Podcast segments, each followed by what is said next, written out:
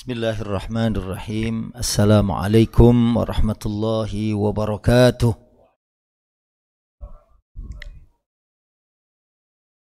Alhamdulillahi rabbil alamin wassalatu wassalamu ala asyrafil anbiya'i wal mursalin nabiyina Muhammadin wa ala alihi wa ashabihi wa man tabi'ahum bi ihsanin ila yaumiddin amma ba'd. Ma'asyiral hadirin rahimakumullah alhamdulillah.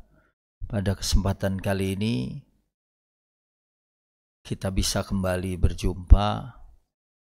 Dan kalau tadi disampaikan temanya adalah memilih takdir Allah.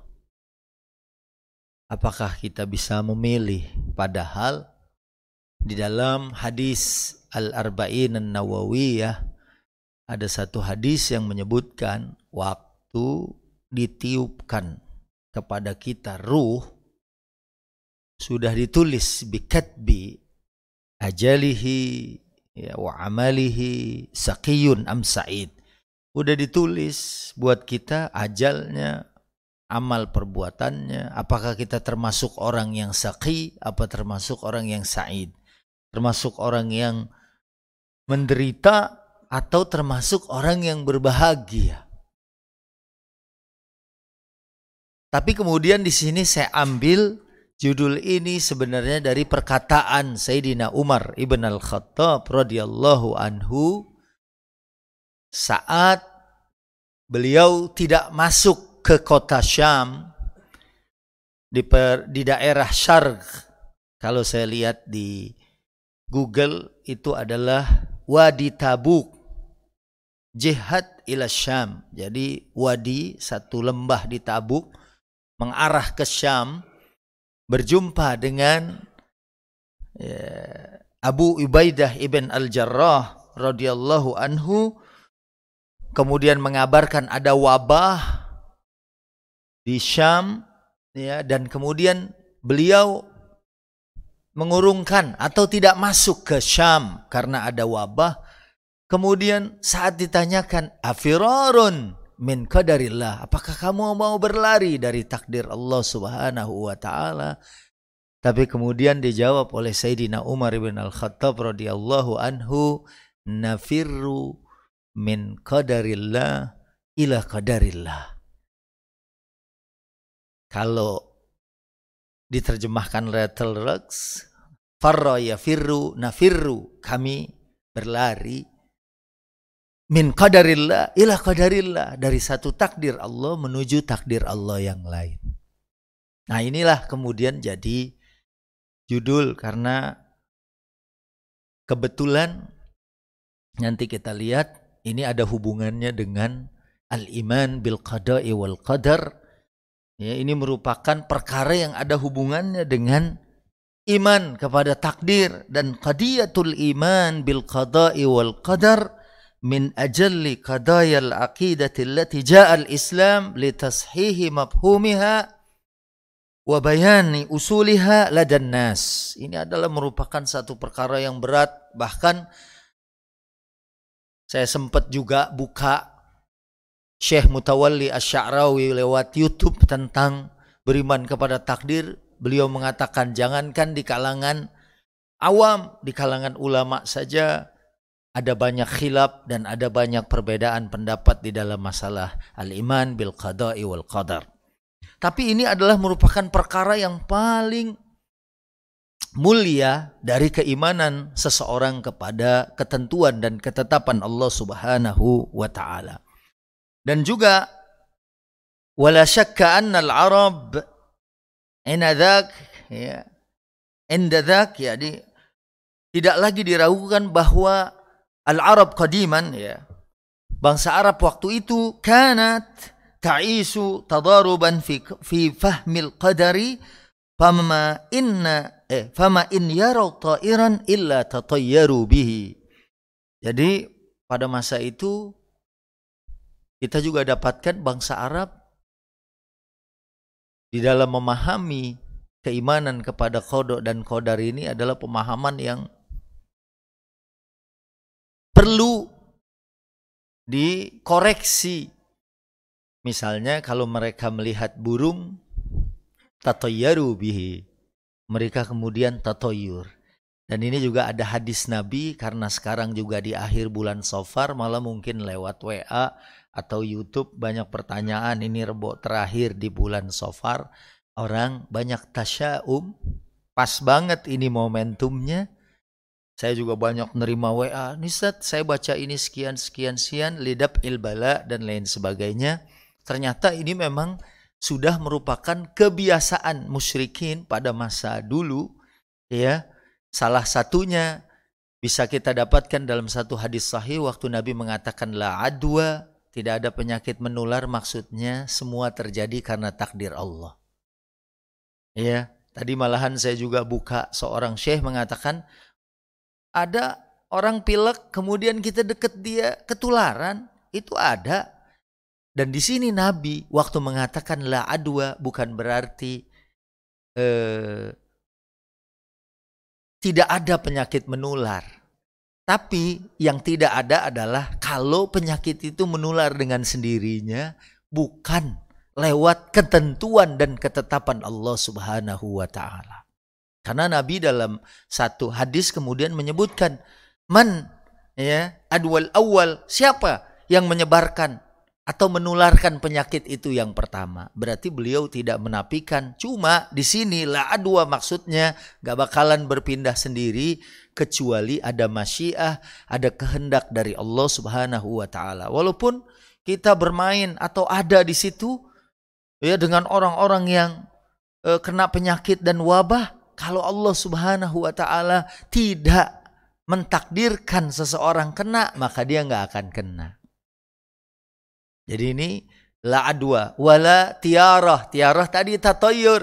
Kalau mau pergi burung dilepas, kalau ke kanan wah bergembira, tapi kalau ke kiri mereka tasya'ama, mereka kemudian putus asa. Ya, ini kan untung-untungan. Burung kan terserah dia dilepas mau ke kanan, mau ke kiri. Ya mungkin dia tadi mau ke kanan ngelihat temannya main futsal di belah kiri dia geser ke sana gitu kan. Dan dia tasyaum dengar suara wahamah di sini adalah suara albumah atau burung hantu. Kan kita kadang-kadang kalau udah malam-malam ya kalau di film-film horor tuh biasanya eh, aktornya itu tuh ya. Udah kuku kuku kuku kayak kan wah udah mulai tuh musiknya juga lain beda gitu. Dan itu al Arab kadiman bangsa Arab waktu itu itu sangat kayaknya orang-orang kita juga masih ya Ted mau ke masjid ada suara toke wah ini toke yang di masjid bukannya gitu kan mereka kemudian tasaum. Jadi yang nggak boleh di sini sebenarnya adalah tasaum, apalagi di ujung hadis disebut sofar. Padahal buat kita so far so good, ya kan? Ini so far mereka tasyaum karena wah ini sial, jangan bikin usaha di sekarang dan lain sebagainya. Atau kalau ada sebagian masyarakat Jawa yang mereka tasyaum di bulan suro, jangan bikin pernikahan di bulan suro. Teman saya itu eh bulan Safar, eh bulan Muharram, ya di Jawa tuh bulan Syuro, ya atau bulan Muharram itu mereka nggak mau nanti sial begini segala segala macam tapi teman saya dua anaknya karena dia punya dua anak putri itu dua-duanya dinikahkan pas bulan Muharram yang pas waktu orang takut di masyarakat itu melakukan e, pernikahan dan melakukan resepsi. Dan bahkan kalau ada orang mau, nggak ada restoran atau nggak ada tempat yang mau, waduh pak kita takut kebagian sial. Tapi ada sekarang ya di daerah Boyolali. Ya, ini bukan lagi. Ini kita lagi bukan ngomong masalah tampang Boyolali nih kan. Di Boyolali itu ada yang gambarnya ada semarnya, itu dia siap dan bisa menerima di bulan uh, Muharram. Tadinya nggak mau, ya. Dan saya berulang-ulang diminta khutbah nikah, ya atau acara, ya yang mereka takut melaksanakan pada bulan Muharram. Ya, kalau orang Arab ini bulan Sofar. Ya dia, waduh, apalagi seperti yang hari ini mungkin share banyak ya atau mungkin banyak juga pertanyaan nih gimana sholatnya lidap ilbala dan lain sebagainya.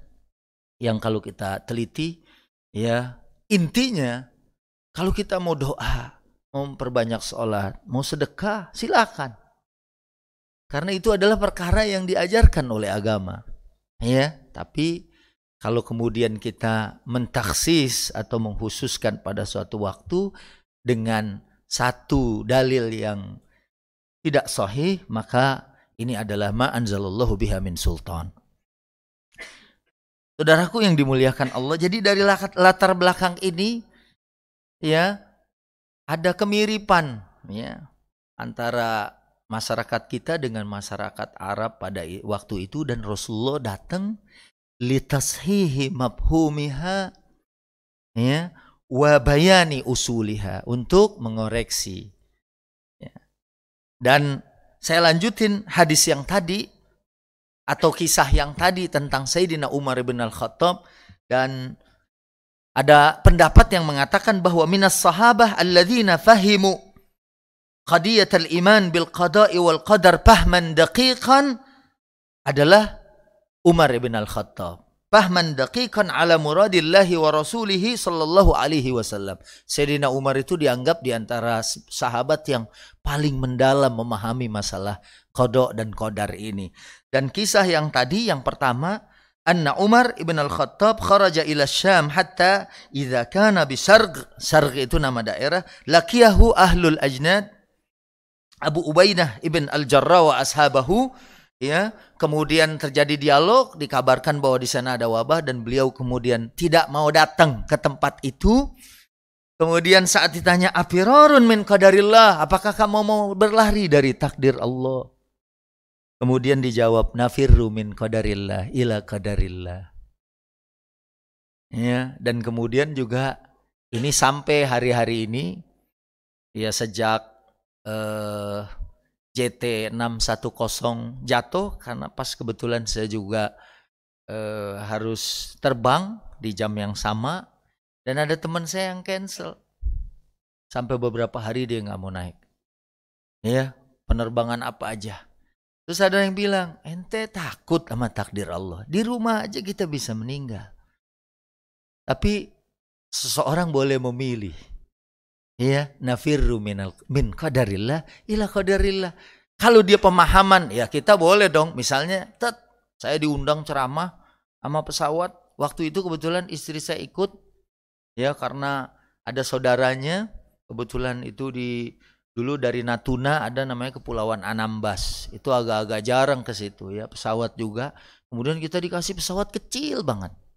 Ya, muat orangnya dikit. Pilot ngobrol aja kita denger gitu kan. Pak, naik Pak, naik. Terus kata istri saya ini kecil banget pesawatnya gitu kan. Takut nyangkut di pohon pisang gitu kan. Kalau sebenarnya boleh aja. Kalau ada lagi nggak yang lain selain ini. Ini bukan berarti kita dianggap takut. Ya, boleh aja wah saya udah punya tiket ini, mending saya beli ini aja deh ya. Karena dalam suasana kayak gini biasanya itu terpengaruh. Kemarin aja saya terbang di satu hari dua harinya itu, itu beda orang yang baca doa safar di pesawat. Itu alhamdulillah gitu kan. Dan nggak boleh goyang dikit.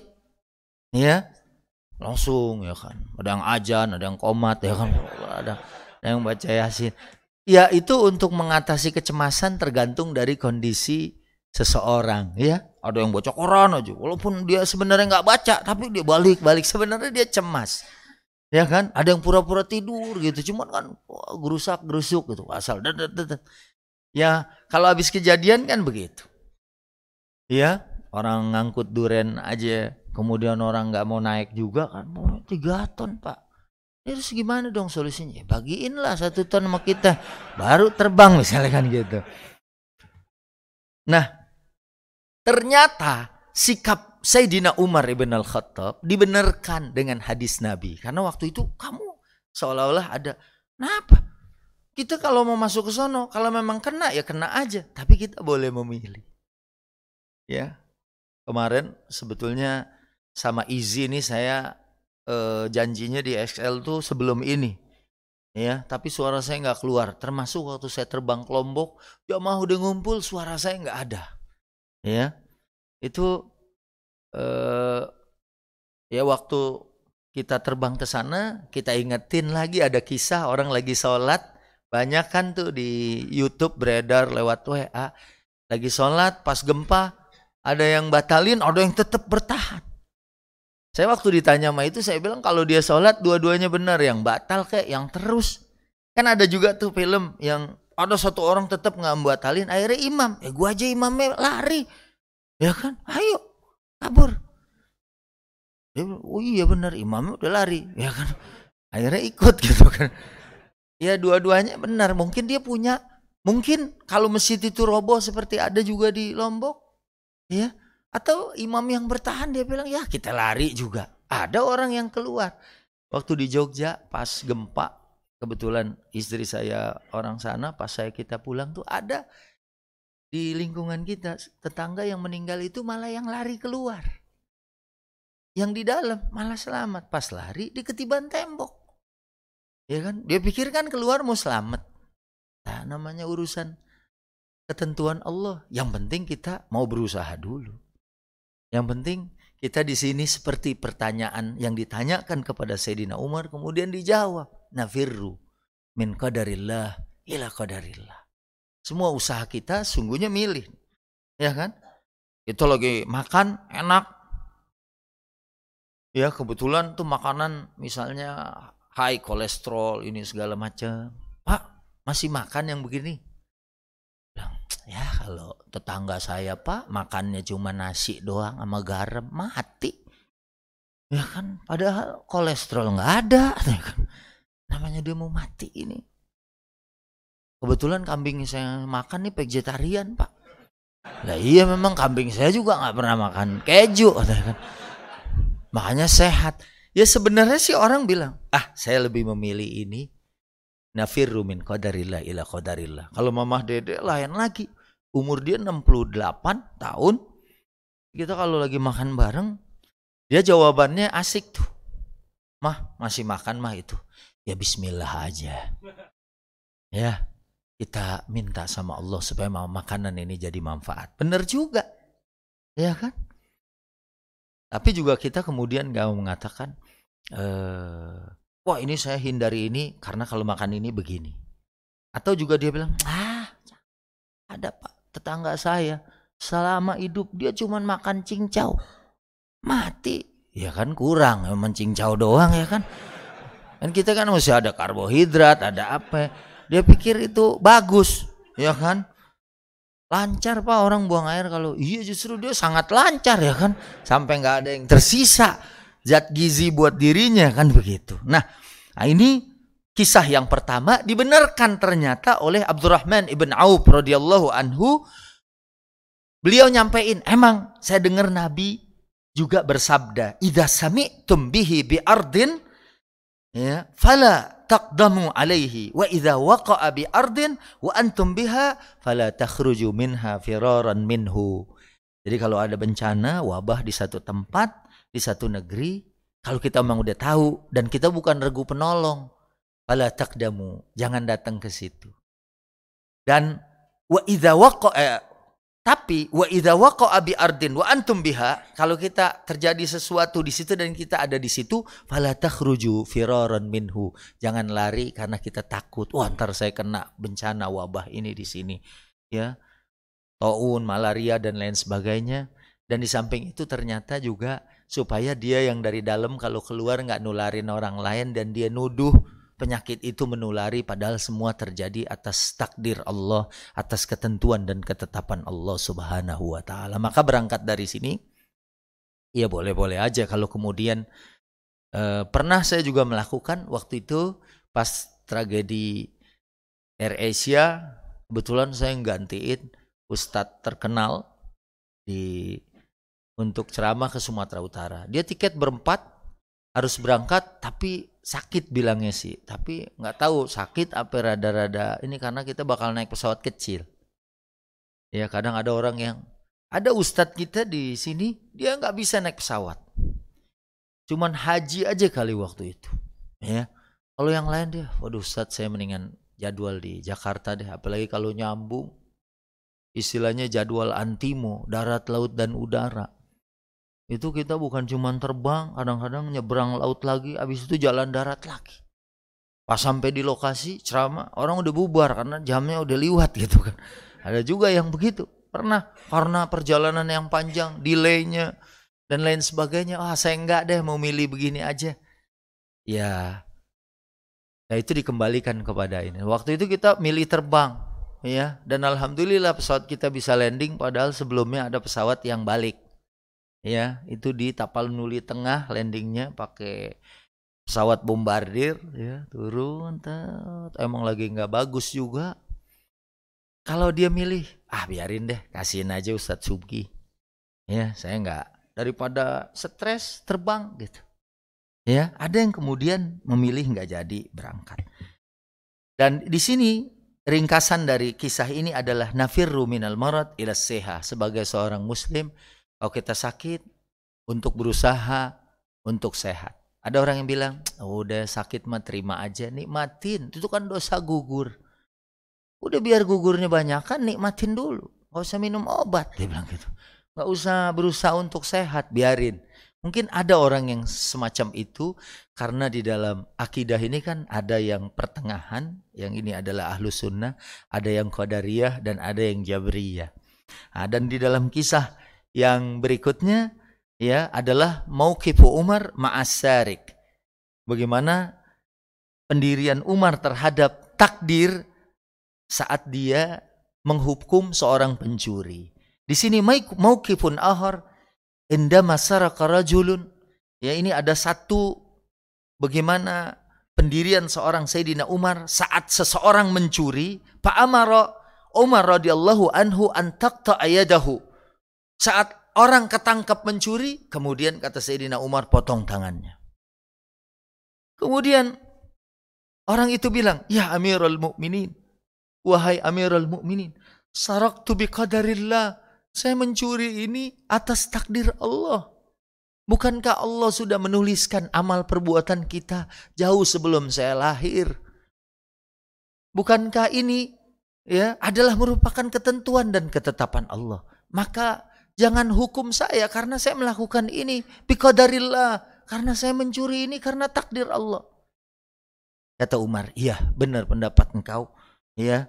Kemudian Farad al Faruq bihikmah dia menjawab dengan hikmah, kalau gitu wa ana aqta'uha biqadarillah dan saya juga akan memotong dengan takdir Allah. Karena ini juga sudah ditulis dulu. Karena ente mencuri, kemudian saya yang motong gitu. Ini Pak ajabahu bihikmatin. Dia menjawab dengan satu hikmah. Dan ini juga arada Umar ibn al-Khattab an yubtila da'wal qadariyah ini untuk me mengkanter satu pendapat orang yang hanya ya kita ini udah nggak bisa apa-apa semuanya ada takdir. Misalnya ngelihat temennya, masya Allah jauh sebelum johor udah ada di masjid, ya kan? Ya udah tidur tiduran aja, masya Allah, ya kan? Dia mah luar biasa tuh orang gitu kan. Ah itu emang udah takdirnya begitu. Ya kita emang orang begini udah ditakdirin begini. Ya padahal kembali saya harus ngulang waktu pertemuan saya dengan uh, Allah Yarham Gitorolis, ya, itu saya ingat sempat dia ke rumah beberapa kali, ya, dan dia bilang saya mau mulai berhenti dari narkoba. Tahun 72 dia udah mulai pakai narkoba. Tahun 95-an dia berhenti. Ya, dan pernah cerita di sepanjang waktu kalau kita hidup tuh Allah selalu ngasih sebenarnya. Jangan begini, jangan begini. Ya dan beliau cerita di rumah saya, di rumah kontrakan waktu itu. Dia bilang, pas yang terakhir, terakhir-terakhir dia mau benar-benar meninggalkan. Ya, main, nyanyi, kemudian ada yang nawarin di Bandung. Ini barang langka nih. Ya, belum diisep aja udah basep. Apaan nih? ditepok ngebul gitu kan wah pokoknya ini barang cakep akhirnya dipakai iya dipakai rupanya istrinya telepon iya bahwa dia bangun nggak bisa mat seperti orang lumpuh gitu. Karena dia minta, ya Allah kasih tanda kalau ini memang harus saya tinggalin. Ada, oh istrinya nggak bisa bangun katanya dari tempat tidur. Udah dari Bandung main lagi ke Surabaya, di Surabaya ditawarin lagi. Sengaja pengen. Begitu dia pakai, ya istri dia, istri, dia nelpon ke rumah, istrinya dia bilang, oh ini kebakaran dapur segala macam. Jadi sebenarnya Allah di pendapatnya beliau setiap saat tuh sudah memberikan termasuk mungkin maling. Kadang-kadang saya ketemu juga sama orang yang dia nggak pernah sholat, ya. Uh, dia ngomong, Pak, Pak Ustadz nih rukiah nih Pak Ustadz. Kadang-kadang kita kalau datang satu tempat, terus orang pada ngumpul, rukiah nih Pak Ustadz. Ya kan? Ah, nggak orangnya begini mabok mulu begini begini begini. Iya. Terus kalau kita tanya sama dia sebenarnya kita datang ngobrol? Kadang-kadang saya kalau ini uslubnya tuh sama orang kayak gitu saya menggembirakan. Begitu temennya ini rukiah nih Pak enggak ini orang baik saya bilang. Ya wah apaan Pak nih seumur hidup nggak pernah sholat sama sama saya kata kan gitu Saya bilang, kalau saya gitu, wah apa insya Allah. Ya, ini mungkin habis ketemu sama saya langsung. Nah, nyengir, nyengir gitu. Wah ini begini, lihat posat tatoan semua. Ya. Dia kalau sholat juga malaikat nggak mau nyatet. Katanya kan. Begini-begini. Saya bilang, kita nyampein sama dia. Dan mungkin dia juga selama perjalanan hidupnya. Karena saya ketemu juga sama orang-orang yang udah beres. Dia bilang begitu. Ya, dan dia kadang-kadang bunuh orang. Itu juga nggak sadar dia sebagai manusia. Karena dia dipengaruhi oleh minum. Dia bilang, saya dulu Ustadz nih nggak berasa nih ngegambar seluruh badan. Karena dulu saya mabok. Tahu-tahu udah jadi aja. Ini saya protes. Saya minta pohon pisang dia gambar rumput. Katakan. Yang ngegambar juga lagi mabok. Gitu.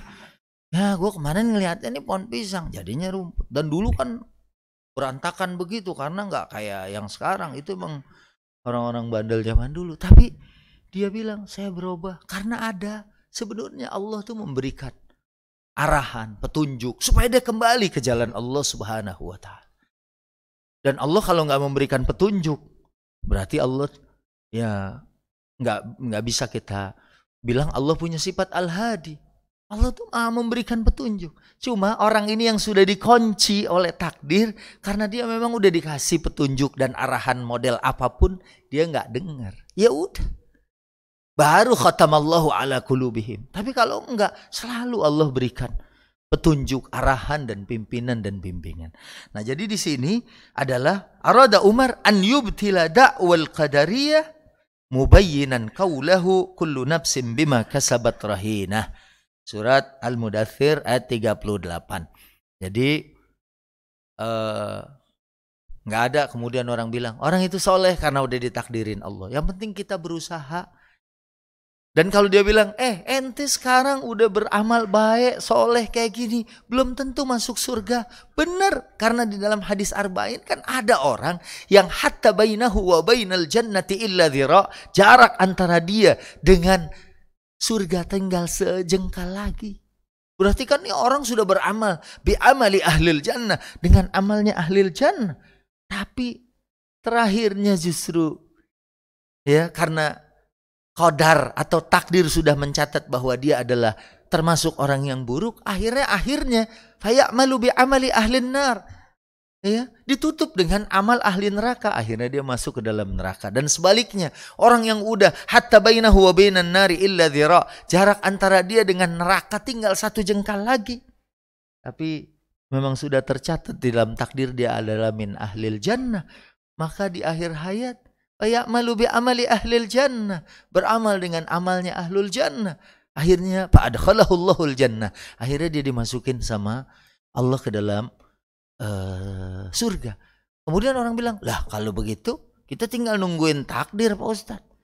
Ngapain kita capek-capek beramal dari muda kalau ntar terakhir pas mau tutup buku kita beramal dengan perbuatan ahli neraka, kita masuk neraka. Hadis ini dipahami maksudnya kita selalu optimis. Dan ada hadis lain yang menjawab kullun muyassarun lima khuliqalahu. Semua dimudahkan oleh Allah sesuai dengan takdirnya. Kalau kita alhamdulillah bisa menjaga dari subuh tadi ada di masjid, kemudian sekarang ada di masjid, udah lakukan, nggak usah pakai. Ya, ntar kalau kemudian ternyata takdir kita pas asar kita meninggalnya suul khotimah, buat apa kita sholat sekarang? Udah nunggu takdir aja. Sebab ada juga orang-orang yang sepanjang hayatnya udah berbuat kezoliman, kemunkaran, tapi di akhir dia finishnya husnul khotimah. Ah, kita mau ngambil yang kayak gini nih. Kita jawab yang tadi, kullun muyassarun lima khuliqalahu. Eh, alhamdulillah. Masih ada 15 menit sebelum ajan subuh misal. Kita bisa naik. Itu berarti kita udah dimudahin sama Allah Subhanahu wa taala. Ikutin aja terus. Kullun muyassarun. Semuanya dimudahin. Untuk termasuk tetap berada di tempat ini semuanya adalah dimudahkan oleh Allah ya yang kebetulan juga tidak seperti ada mungkin saudara kita yang pas jam ini harus menyelesa, apa menyelesaikan tugasnya. Pas juga. Ya karena pas kosong diajak haji pas bisa berangkat. Itu semuanya dimudahkan oleh Allah. Kadang-kadang saat berangkat nih haji. Aduh tahu sendiri sekarang haji. Ya ONH Plus tuh sekarang dengan dolar 15 ribu nggak ada yang di bawah 200 juta kalau mau rada enakan tuh dan mau cepet berangkat. Ya hari ini daftar kemudian tahun ini eh hari ini berangkat ya tahun ini ya.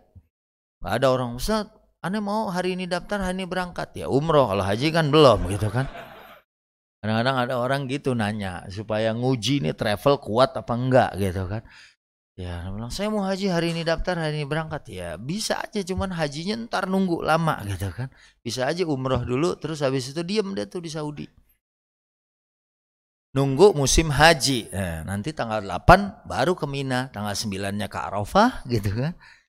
Terus mabit malamnya di Muzdalifah, ya. Terus di Mina, liramil jimar untuk melempar jumrah. Nah, ini kisah yang kedua.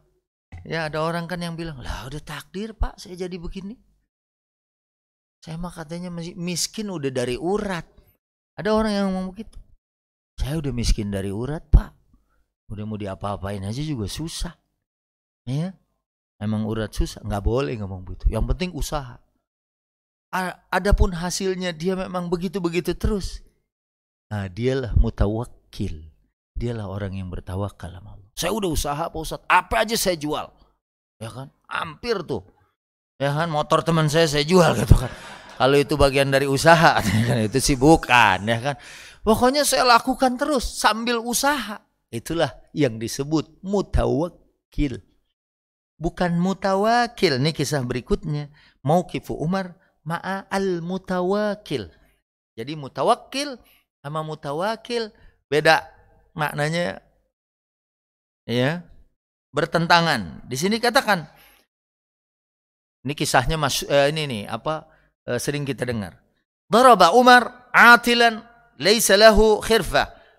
Umar mukul orang yang ada di masjid. Ya, karena dia lagi doa, ya Rob, ya Rob nih, ya Rob kasih saya rezeki. Umar mukul sambil bilang, inna sama la tumtiru dahaban langit nggak akan nurunin emas. Ada orang, ada Pak Ustaz tetangga saya lagi jikir di masjid, toto emas jatuh. Itu mungkin tetangganya narok gitu kan. Cincin terus jatuh. Karena nggak mungkin nih dari para-para ini akan keluar.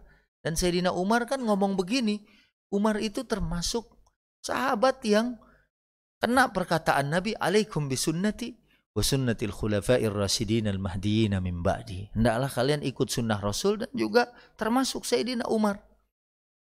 Ya, pendapat beliau ya di dalam hal ini inna sama ala tumtiru dhahaban. Langit nggak nurunin emas. Ya. Fa idza qudai fa idza qudiyatis shalah fantashiru fil ard. Kalau udah bertebaran di muka bumi, eh sudah selesai salat, sudah selesai ibadah, fantashiru fil ard Kadang orang kita gitu, saya suka ketemu juga sama kan ada orang dagang nasi goreng apa. ya Ustadz pengen kayak orang-orang nih. Ya bagus, Anda bilang pengen kayak orang-orang. Apalagi dia nunjuk tuh dia dagang Pak Ustadz. Dari pagi nggak ada yang berhenti. Orang dia ngegoreng aja terus. Ya kan tukang nasi goreng ya kan. Nah, ya saya Pak Ustadz yang beli satu satu. Ya dia mau ah, jangan-jangan dia pakai tuyul kali Pak Ustadz ya. Jadi kalau ngelihat nasi goreng dia kayaknya enak aja. Ya saya nih udah saya turunin harganya. Enggak. Ya emang Allah sudah ngasih takdir rezeki kita masing-masing. Ada orang bisnis apa aja, masya Allah, ya lancar. Saya termasuk orang yang nggak terlalu hebat dalam berbisnis. Saya pernah ada jamaah umroh, dia ngeliat ruko nih, ini berapa nih? Ah, 5 miliar. Ya udah, saya panjer dulu ya 50 juta. Baru transfer 50 juta. Ada orang datang. Wajib, ya kenapa? Ini dijual ya? Oh baru saya beli. Aduh, emang berapa? Ya kan? Nah, saya udah bayar ini. Oh, apa-apa deh. 6 miliar saya bayarin. Dia cuma ngasih duit 50 juta. Oh, tahu ada kelebihan 1 miliar. Ada orang udah buka, Pak. Ini harga begini, Pak. Udah ngomong sampai sejujur-jujurnya. Ini batu batanya saya yang cuci ini dulu. Ya saya yang bangun, Pak. Ini kualitasnya bagus semua orang minta lima orang nawar empat setengah padahal dia bilang itu justru keuntungan dia ada orang yang akhirnya mindahin dia cuma transfer 50 juta kemudian dia dapat duit kelebihan satu miliar belum pakai apa-apa. Ya sering gitu. Saya pernah dagang korma. Ini berapa nih? 50 ribu. 40 nggak dapat Pak Ustadz? Ya nggak dapat itu memang 50 Ya sama tetangga sih boleh kali ya Pak Ustadz ya. Ya cuman tetangga saya ada 200 orang nih kalau beli semua ya kan. Ya bisa habis saya dagang kan gitu ya. Ada orang yang begitu. Kayak anak saya pernah beli di Bogor tajur dulu tuh waktu di SMP. Ya, beli baju klub Inggris yang kalah melulu. Makanya murah ini beneran. Ya kan, murah. Ya kan? seratus ribu. Dia beli lima. Sampai sekolahan. Ya, dari SMP ke SMA, di SMA 112. Mau nggak nih? Ya. Kebetulan habis kalah mulu. Itu House City itu menang. Jadi habis menang dia bawa. Dia bilang, 300 ya bang? Dia baru mau bilang, jangan segitu, itu mah kemahalan, lu bayarin aja pego dia bilang jangan segitu ya udah 400 deh enak aja gitu padahal dia mau nurunin sambil naruh duit kan ada orang yang begitu ya masing-masing tiap orang ya kita udah pakai apa ya? Kadang-kadang ada yang. Tapi ada orang yang datang Pak Ustadz saya supaya ini. Kalau dia tuh Pak Ustadz dagang tuh di kotak duitnya banyak bawang sama cabe. Saya bilang ya dia kan tukang gado-gado ya kan? Ya mungkin dia buat ngulek. Agak Pak Ustad, diikat diikat sama benang Orang kan pakai karet, dia pakai benang Itu pasti itu Pak Ustad. Lah kita kan ada zat yang maha memberi. Ya, ya udah kasih saya deh Pak Ustad pegangan. Ya, saya bilang udah istighfar sebelum subuh wabil ashari hum yastaghfirun dan istighfar pembuka pintu rezeki. Waduh, sekarang subuh empat lewat delapan Berarti sebelum subuh setengah tiga eh, eh setengah empat ya Pak ya? Iya. Saya pulang dagang itu pas katanya kan. Biasanya saya langsung tidur bangun bangun jam 8 katanya kan. Lah itu dia kali yang nyumbat. Ini dulu benerin. Wah agak berat. Gak bisa dikasih yang langsung intinya Pak Ustadz. Ya. Itu benar-benar. Dia minta pegangan gitu. Biar saya pegang. Ya pokoknya orang ngelihat saya tuh bawaannya mau beli aja. Ya, saya baru ngedorong gerobak aja belum ada barang. Pak nasi goreng nggak? Enggak, ntar sore katanya. Saya baru lagi nyuci. Udah saya mau beli deh gerobaknya katanya. Mungkin ada yang mau begitu, tapi dia nggak mau usaha. Ya kan? Kalau dia misalnya, oh ada orang. Lah dia kalau misalnya, seandainya dia make sekalipun, dia datang ke sini kan kemarin ada liputan ciri-ciri restoran atau tempat makan yang rame terus. Kadang-kadang orang ditanya alasannya, kenapa bapak ke sini? Tahu ya, saya kayaknya maunya kemari aja gitu kan. Kan ada yang parkirnya enak, makanannya emang enak. Ya, kadang ada parkir nggak ada, tapi makanannya enak. Orang sampai gelantungan tuh makan. Ya, ada tempat bakso hampir 30 ribu semangkok. Itu sampai orang nungguin lagi makan. Jadi kita makan nih, ada di sebelah kiri kanan. Kita kalau makan, wah ini kayak rokib atit nih sebelahnya. Ya kan? Yang belakangnya bilang, gue munkar nakir nih. Ditungguin. Ya. Tuh sampai kadang yang nungguin berebut. Orang-orang udah naruh duluan dia. Orang masih ada satu tuh, baksonya tinggal satu. Nah, disuap nih dia nih ya kan. Akhirnya kan ditaruh lagi ya kan, dia minum dulu ya. Dia duduk tuh. Sampai ada yang kayak gitu, oh dia begini-begini. Ya kita kan punya zat Allah. Ar-Razzaq lagi. Yang maha pemberi rizki. Ya kan? Kalau ada misalnya yang kayak gitu bisa memberikan orang makmur, Zat Allah subhanahu wa ta'ala pasti bisa memberikan kekayaan, kesuksesan sekaligus ketentraman. Bisa jadi dia banyak, nggak bisa tenang, nggak bisa tidur. Kita malahan alhamdulillah, ya, yang kita dapat ini juga memberikan ketenangan dan ketentraman. Nah, jadi di sini al-i'timad alal aqdar yunaqidut tawakkul. Hanya orang beritimad terhadap takdir. Ya. Kemudian Pak, Kenapa hari ini nggak keliling kayak kemarin? Kemarin Pak Ustadz, saya keliling sampai sendal saya hancur. Orang nanya aja enggak. Bapak jualan Pak? Enggak. Ya kan? Ada orang keliling bawa balon. Pak, balonnya dijual nggak? Dijual lah. Masa saya bawa-bawa doang Pak? Begini keliling ya kan? Saya jual. Yang nanya aja nggak ada. Hari ini saya buat apa keluar? Udah diam aja. Ah ini yunakid. Ya. At-tawakkul. Itu bertentangan dengan makna tawakal. Kemudian uh, mauqifur rabi' ini kisah yang keempat. Ya, tadi yang ketiga ma'al mutawakkil, yang kedua ma'asarik bersama dengan penjuri.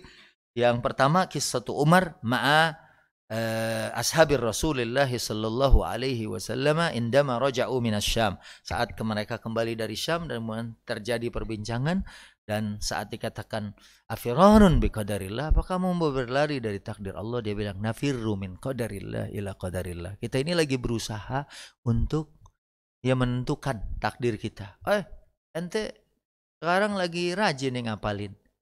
Iyalah, mau nambah hafalannya, mau jadi hafiz misalnya. Nah, orang itu sebenarnya dari takdir. Lah ente mah kayak gini. Bacaan Quran aja masih susah. Ya, loh kita kan mau pindah, Afif, ya, mau menjadi lebih baik dan itu paham. Ah, ini kalau mati-mati begini berarti waktunya emang udah udah didoain mah hadirin ya kan. Kalau bisa jangan sampai jam satu ya kan. Baik, nah yang terakhir di sini saya catat mau kitpu Umar ma'ad doa, pendapat Umar atau Sayyidina Umar dengan doa ya karena kita tahu la yaruddul qada'a illa doa nggak ada yang bisa ngerubah takdir kecuali doa an Habsah radhiyallahu anha dari Habsah radhiyallahu anha anaknya Umar anna Umar kana yaqulu fi du'aihi. Umar pernah doa dalam salah satu doanya. Apa doanya Umar? Allahumma rzuqni syahadatan fi sabilik. Ya Allah jadikan aku meninggalnya tuh syahid di jalan kau. Dan doa yang berikutnya waj'al mauti. Dan jadikan kematianku bibala di rasulika. Jadikan kematianku di tanah rasulmu. Artinya minta mening meninggal di Madinah ya beliau tahu Madinah ini Dajjal aja nggak bisa masuk. Ada malaikat yang jagain. Dan Sayyidina Umar berdoa supaya meninggalnya syahid. Ya dan beliau benar meninggalnya di dihunus ya oleh senjata. Dan karena fisiknya yang kuat dia bertahan beberapa hari sampai bisa ya minta sama Aisyah lewat utusan supaya beliau boleh dimakamkan berdekatan dengan Nabi dan Sayyidina Abu Bakar. Padahal tempat itu itu kamarnya Aisyah. Di situ ada suami dan ayahnya. Aisyah sangat menginginkan kalau meninggal dimakamkan di situ. Tapi kemudian Umar lewat utusannya minta, ya pengen ada di situ. Akhirnya benar dapat di situ. Ya. Dan waktu doa begini kata Hafsah, emang boleh doa begitu? Min aina laka haza? Dari mana doa itu? Kemudian Sayyidina Umar dengan yakin terhadap takdir Allah dan yakin terhadap doa. Kemudian beliau mengatakan, Ya tini bihillah insya Allah. Allah insya Allah akan kasih saya sesuai dengan doa saya. Ini berarti memang keimanan kita terhadap takdir tidak kemudian menjadikan kita nggak mau berusaha dan berdoa. Justru di sini kita berdoa dan berdoa harus kuat, harus keras. Saya berulang-ulang kalau di teman-teman XL saya nyampein di hadis Riyadus Solihin. Ya, doa nggak boleh kendor. Ya Allah ampuni aku kalau engkau mau, kalau enggak ya nggak apa-apa. Ya Allah jadikan anak saya soleh, soleha bisa jadi ini. Kalau enggak ya terserah engkau ya Allah. Jangan, harus kuat. Karena doa ini, Allahumma ja'al. Ya. Allahumma rzukni. Ya Allah berikan aku rizki syahadatan fi sabilik. Jadi orang yang meninggal di jalan engkau. Ya, waj'al mauti fi baladi rasulika. Jadikan kematian aku di tanah Rasul. Saya pernah nganter jamaah haji. Dia memang udah tua, terus meninggal. Wah, mutawib nih saya. Wah, coba hubungin. Akhirnya petugas di Madinah itu. Dia nggak pakai bilang innalillahi dia bilang alhamdulillah bapak datang ke sini niatnya haji meninggal di sini. Ambil dia bilang alhamdulillah. Alhamdulillah saya bilang kenapa ente bilang alhamdulillah alhamdulillah? Ini kan meninggal nggak bilang innalillahi dia bilang bagaimana? Enggak. Saya aja yang tinggal di Madinah belum tentu saya meninggal di Madinah. Ya kan ada banyak sahabat Rasulullah meninggalnya di Syam Sa'ad bin Abi Waqqas, Abu Darda makamnya saya lewat dari Kairo menuju Iskandaria, saya lewat ya, ada makam Abu Darda, sahabat Nabi juga. Tapi beliau dengan kuat minta, Allahumma rzuqni syahadatan fi sabilik. Ya Allah berikan aku rizki. Atau ya dapat meninggal di jalanmu dan wafatku adalah pibala di Rasulika sallallahu alaihi wasallam. Dan waktu anaknya nanya, "Min aina laka hadza?" Emang boleh kita doa begini, begini, begini? Kan kita semua udah ditakdirkan oleh Allah. Dengan yakin beliau mengatakan, Ya tini bihillah insya Allah. Allah akan mengabulkannya insya Allah. Jadi kalau doa itu begitu. Dan itu di dalam surat Al-Anbiya ayat yang ke-89, 90 itu juga begitu para nabi. Ya, hum yusari'una fil khairat wa yad'unana raghaban wa rahaba wa kanu lana khashiin. Yaitu kalau doa raghbah ya dengan keinginan yang kuat warahab dan takut nggak diijabah oleh Allah. Nah, kemudian dikatakan ma ajmalal yakin, sangat luar biasa keyakinan beliau radhiyallahu anhu Sayyidina Umar dan akhirnya dua dua keinginan dalam doanya itu dikabulkan oleh Allah Subhanahu wa taala. Wafat fi sabilillah dan kemudian juga uh, wafatnya di Madinah. Dan dulu pernah saya nyampein di sini ada kiriman video dari seseorang yang dia meninggal di Raudhah Asy-Syarifah di Birkul Biminan Nabi di karpet hijau yang kata Imam Masjid Nabawi saya aja belum tentu jadi imam di sini bisa meninggal di situ. Ya, ternyata dia ya bukan orang situ. Ya, dia orang Syam. Ya. Orang orang daerah Urdun, ya, Yordania. Dia orang Urdun. Laisa alim, ya, bukan seorang alim dan bukan seorang syekhin, laisa bi syekhin. Ya, nah, apa insan adi, manusia biasa Cuman ternyata dia lukiba bihayyihi bi abil masakin. Dia dijuluki di kampungnya sebagai bapaknya orang miskin. Sering. Sekarang nih lagi sering-sering ada orang sedekah makanan. Dia selalu pas datang ke Madinah. Ya, diambilnya ya Allah deket banget sama Rasulullah hanya beberapa jengkal aja dia dengan Rasul SAW orang biasanya yang deket dengan ya presiden aja walaupun dia naik motor itu dikelilingin juga sama motor yang lain ya kan nggak bisa ojek online main rapet gitu kan pak saya ojol nih pak gitu ada orang yang ini kan Nabi SAW dia bisa di situ seolah-olah ahlan ayo sini kamu telah melakukan apa-apa yang dianjarkan oleh Nabi SAW. It'amut ta'am, memberikan makan kepada orang itu adalah merupakan satu amal yang disukai oleh Allah Subhanahu wa taala. Ini mungkin menjadi penutup ya. Ibnu Qayyim di dalam kitab Al-Fawaid mengatakan inilah ahmilu hammal ijabah walakinni ahmilu hammad doa. Saya ya bahasa kitanya yang penting dalam doa kita tidak terlalu memusingkan masalah ijabah. Tapi yang penting adalah kami atau kita selalu berdoa kepada Allah Subhanahu wa taala. Ini menjadi penutup kombinasi kerja, usaha keras, nafirru min qadarillah ila qadarillah, berusaha lebih baik, berusaha mendapatkan lebih bagus ya dan diikuti dengan doa ma'al yakin, doa dengan keyakinan bahwa Allah akan mengijabah. Ya, mudah-mudahan Ya, kita adalah orang-orang yang termasuk memahami dan bisa mengamalkan keimanan kita kepada takdir ini. Karena khairihi wa syarrihi minallah, baik buruknya dari Allah, tapi juga adabnya kalau sesuatu yang buruk timpakan kepada kita. Ada sesuatu begini ah karena kita. Tapi kalau yang baik-baik semuanya dari Allah.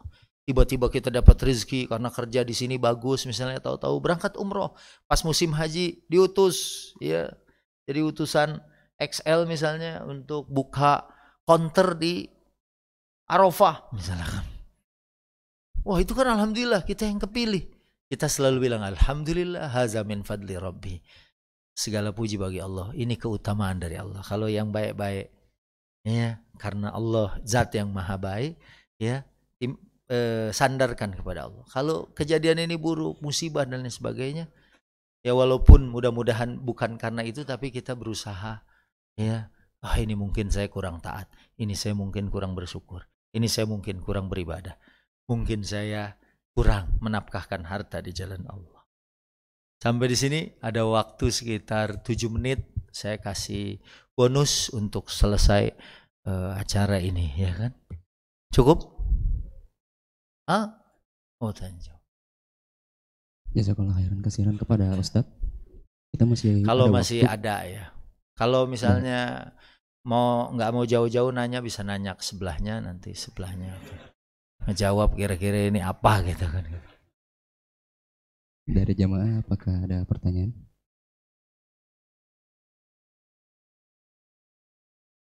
Alhamdulillah. Udah paham ini terhadap takdir ya kan. Silakan Ustaz. Ustaz, uh, tentang takdir yang sudah ditulis Allah ataupun mahfuz gitu. Uh, saya juga pernah mendengar bahwa doa itu bisa mengubah hmm. takdir, hmm. bukan tentang kita memilih takdir, hmm. tapi uh, doa itu yang mengubah. Hmm. Uh, mohon penjelasan mengenai hal itu. Ya, jazakallah khairan. Saya ingat Ustadz Abdul Hasib Hasan waktu kira-kira tahun 90-an saya baca tafsir Ibnu Kathir kebetulan ada bagian takdir. Jadi sebenarnya semuanya udah takdir Allah, tapi kita diusahakan untuk eh tadi ini kenapa saya memilih kalau bahasanya Umar nafiru, kita berlari dari satu takdir ke takdir yang. Berarti kita juga mencari yang menurut kita ini lebih lebih baik walaupun semuanya masuk ke situ dia ketularan bisa ke daerah wabah. Dia nggak masuk, bisa juga ketularan. Semua itu atas ketentuan Allah. Tapi kita boleh memilih. Artinya berusaha. Dan takdir itu, kayak misalnya ini umur dunia. Sepanjang ini umur dunia. Kita udah ditulis dari nol sampai akhir. Dan sepanjang itu, sepanjang itu Allah udah tahu dari awal.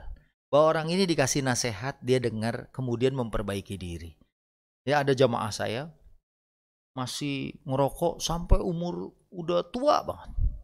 Ya, sampai uh, pan, panjang batuknya dia itu sepanjang rokok itu habis batuk kayak terus ya. Tapi dia nggak mau berhenti. Begitu berangkat haji diperiksa. Ya kan? Kata dokter nih, Bapak kalau dinin lagi nggak bisa wukuf nih. Dia takut nggak bisa wukuf. Akhirnya bisa berhenti.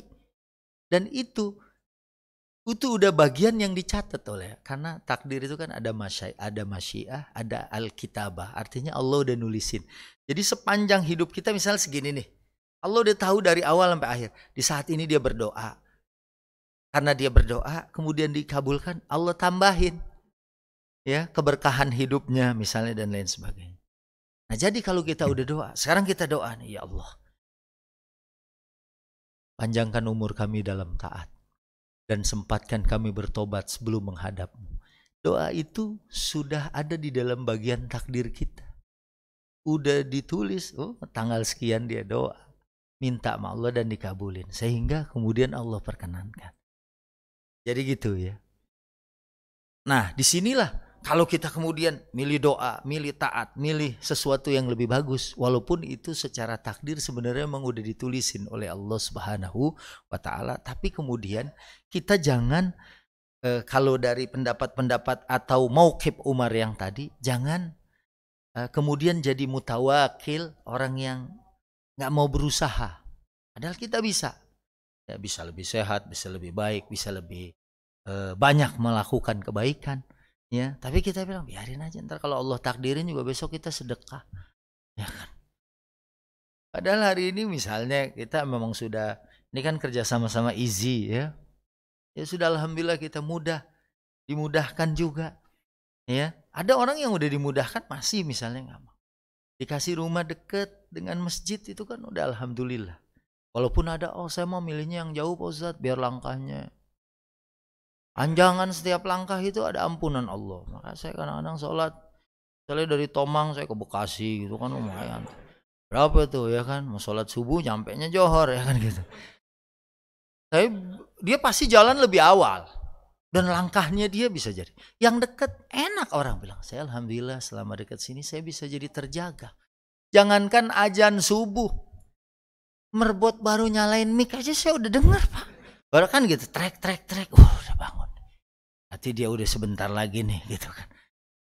Ya kan? Nah, ada orang yang misalnya kenapa memilih di sini? Pak, kenapa pindah kemari? Enak deket masjid. Tadi di sana ya sebenarnya sih enak juga, saya bisa dapat langkah. Tapi di sini kalau kalau saya pagi pas ajan aja baru bangun, kayak kita lagi umroh, kalau hotelnya depan Ka'bah kan baru Allah kita baru bangun masih bisa dapat tapi kalau yang hotelnya jauh ya kan? Jangankan pas ajan mungkin 30 menit sebelum ajan kita nyampe ke situ udah komat. Jadi dia memilih.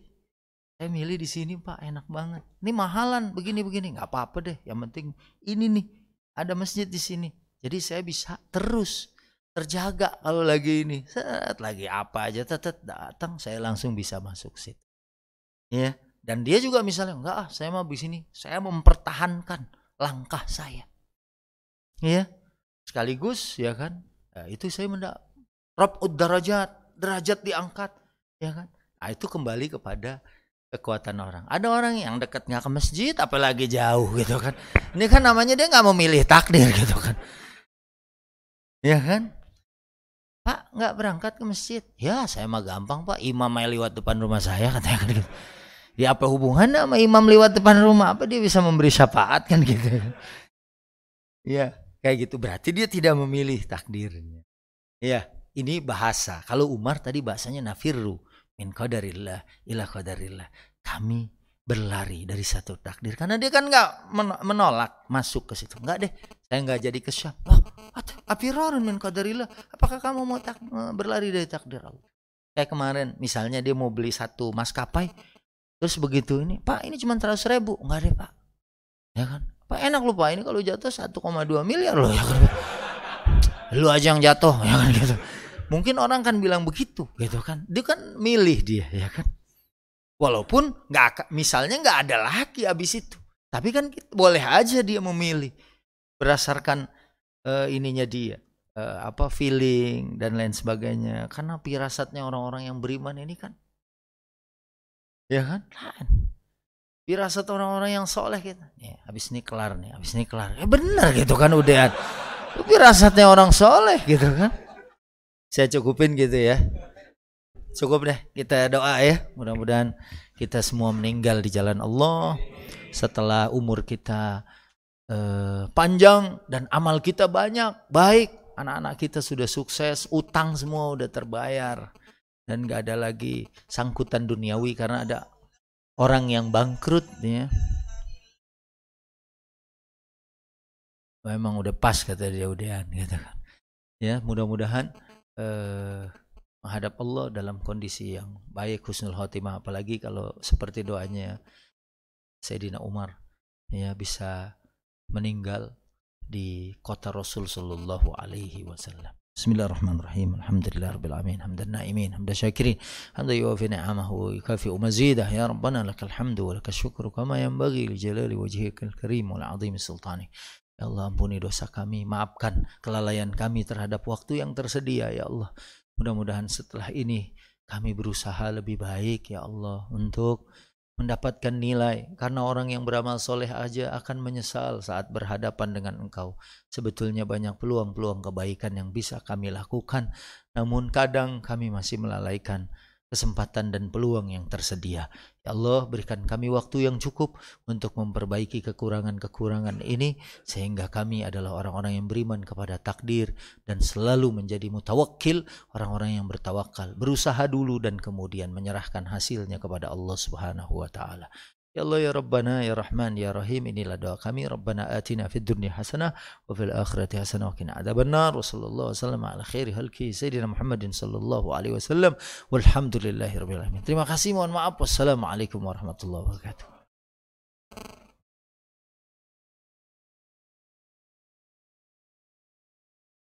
Baik, kita tutup dengan doa kafaratul majelis. Subhanakallahumma bihamdika asyhadu an la ilaha illa anta